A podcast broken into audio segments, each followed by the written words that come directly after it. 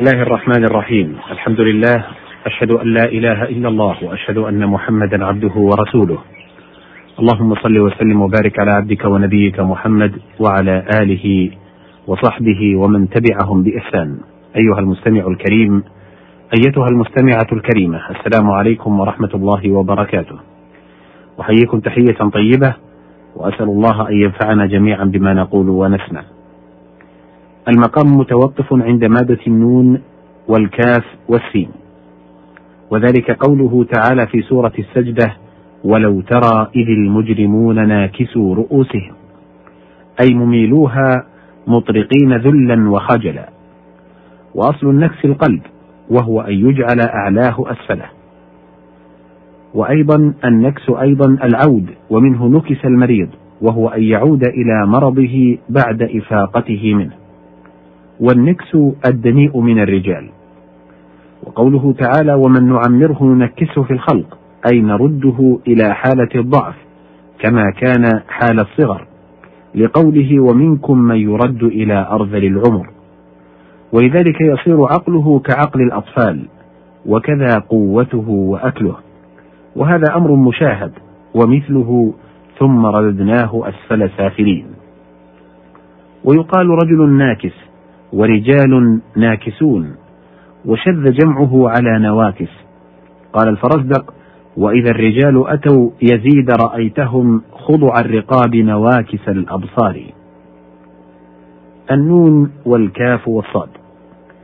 قال الله سبحانه وتعالى في سورة الأنفال نكص على عقبيه أي رجع إلى ورائه يمشي القهقرى ومثله قوله تعالى وكنتم على أعقابكم تنكصون ولا يكاد يقال إلا مع لفظ العقب.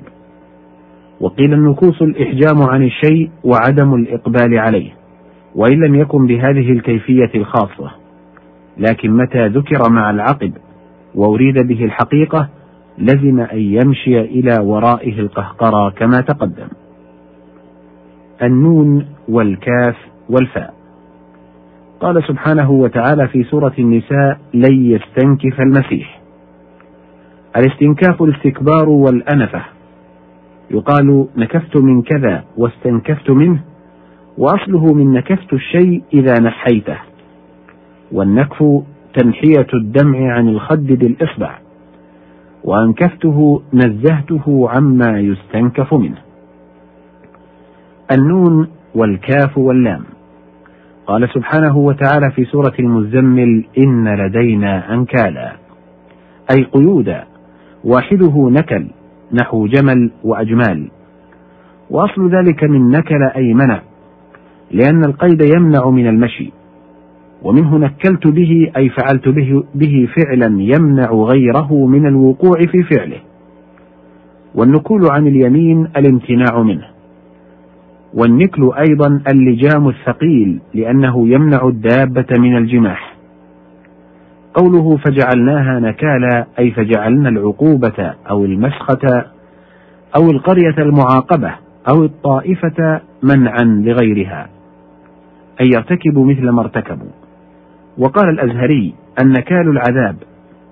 وقوله تعالى والله أشد بأسا وأشد تنكيلا أي تعذيبا عذابا يمنع الغير من الذنب. وأنكلت الرجل عن حاجته دفعته عنها من أنكلت الحجر إذا دفعته. النون والميم واللام. قال سبحانه وتعالى في سورة النمل قالت نملة. النملة واحد النمل وهو هذا الحيوان المعروف يقع على الذكر والأنثى ويفرق بين المذكر والمؤنث بالوصف. نحو نملة أنثى ونملة ذكر. وحضر أبو حنيفة رحمه الله تعالى مجلس قتادة بالكوفة وهو يقول سلوني ما شئتم.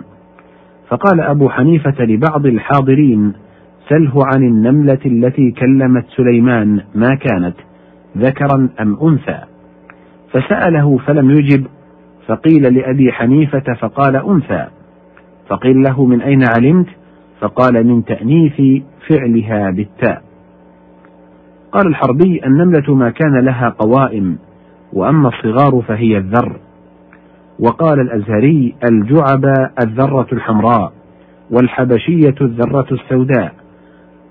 والنملة قرحة تخرج بالجنب. قال الأصمعي وغيره تشبيها بالنمل. وهي أيضا شق في الحافر. ومنه فرس نمل القوائم. ويستعار ذلك للنميمة لدبيبه فيقال هو نمل وذو نملة ومنمل. قال الشاعر ولست بذي ترب فيهم ولا منمش منهم من منمل. وتنمل القوم تفرقوا تفرق النمل بعد تجمعهم وفي المثل هو أجمع من نملة. والأنملة طرف الإصبع. وقوله تعالى عضوا عليكم الأنامل من الغيظ هو مثل في شدة الغيظ والتندم النون والميم والميم. قال سبحانه وتعالى في سورة القلم مشاء بنميم.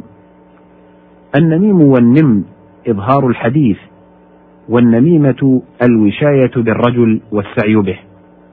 ورجل نمام أي ينقل الحديث المؤذي. يقال نم عليه ينم وينم نما فهو نمام ونموم. قيل وأصل النميمة الهمس والحركة الخفيفة. قال الراغب ومنه أسكت الله نامته أي ما ينم عليه من حركته. والنمام نبت ذو رائحة طيبة. قيل سمي بذلك لأنه تنم عليه رائحته. النون والهاء والجيم. قال سبحانه وتعالى في سورة المائدة شرعة ومنهاجا. المنهاج الطريق الواضح وكذلك المنهج. ويستعار ذلك للدين والأمر كاستعارة الطريق والمذهب لذلك. والنهج أيضا الطريق وقد نهج الأمر وأنهج اتضح. ومنه نهج الثوب وأنهج أي بان فيه أثر البلا. وقد أنهجه البلا قال الراجز يا صاحي ما هاج الدموع الذرفا من طلل كالأنجمي أنهجا أي خلق ودرس. النون والهاء والراء. قال سبحانه وتعالى في سورة القمر في جنات ونهر. النهر أصله الشق الواسع الذي يجري فيه الماء. من نهرت الشيء أي شققته شقا واسعا. ثم تجوز به عن الماء الجاري فيه للمجاورة.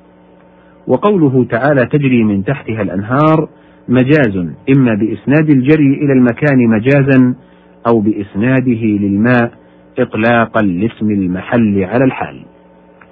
هنا ينتهي وقت الحلقة وقد بقي في المادة بقية. سنتمها إن أذن الله سبحانه وتعالى في لقاء تال. أشكر لكم طيب استماعكم والسلام عليكم ورحمة الله وبركاته.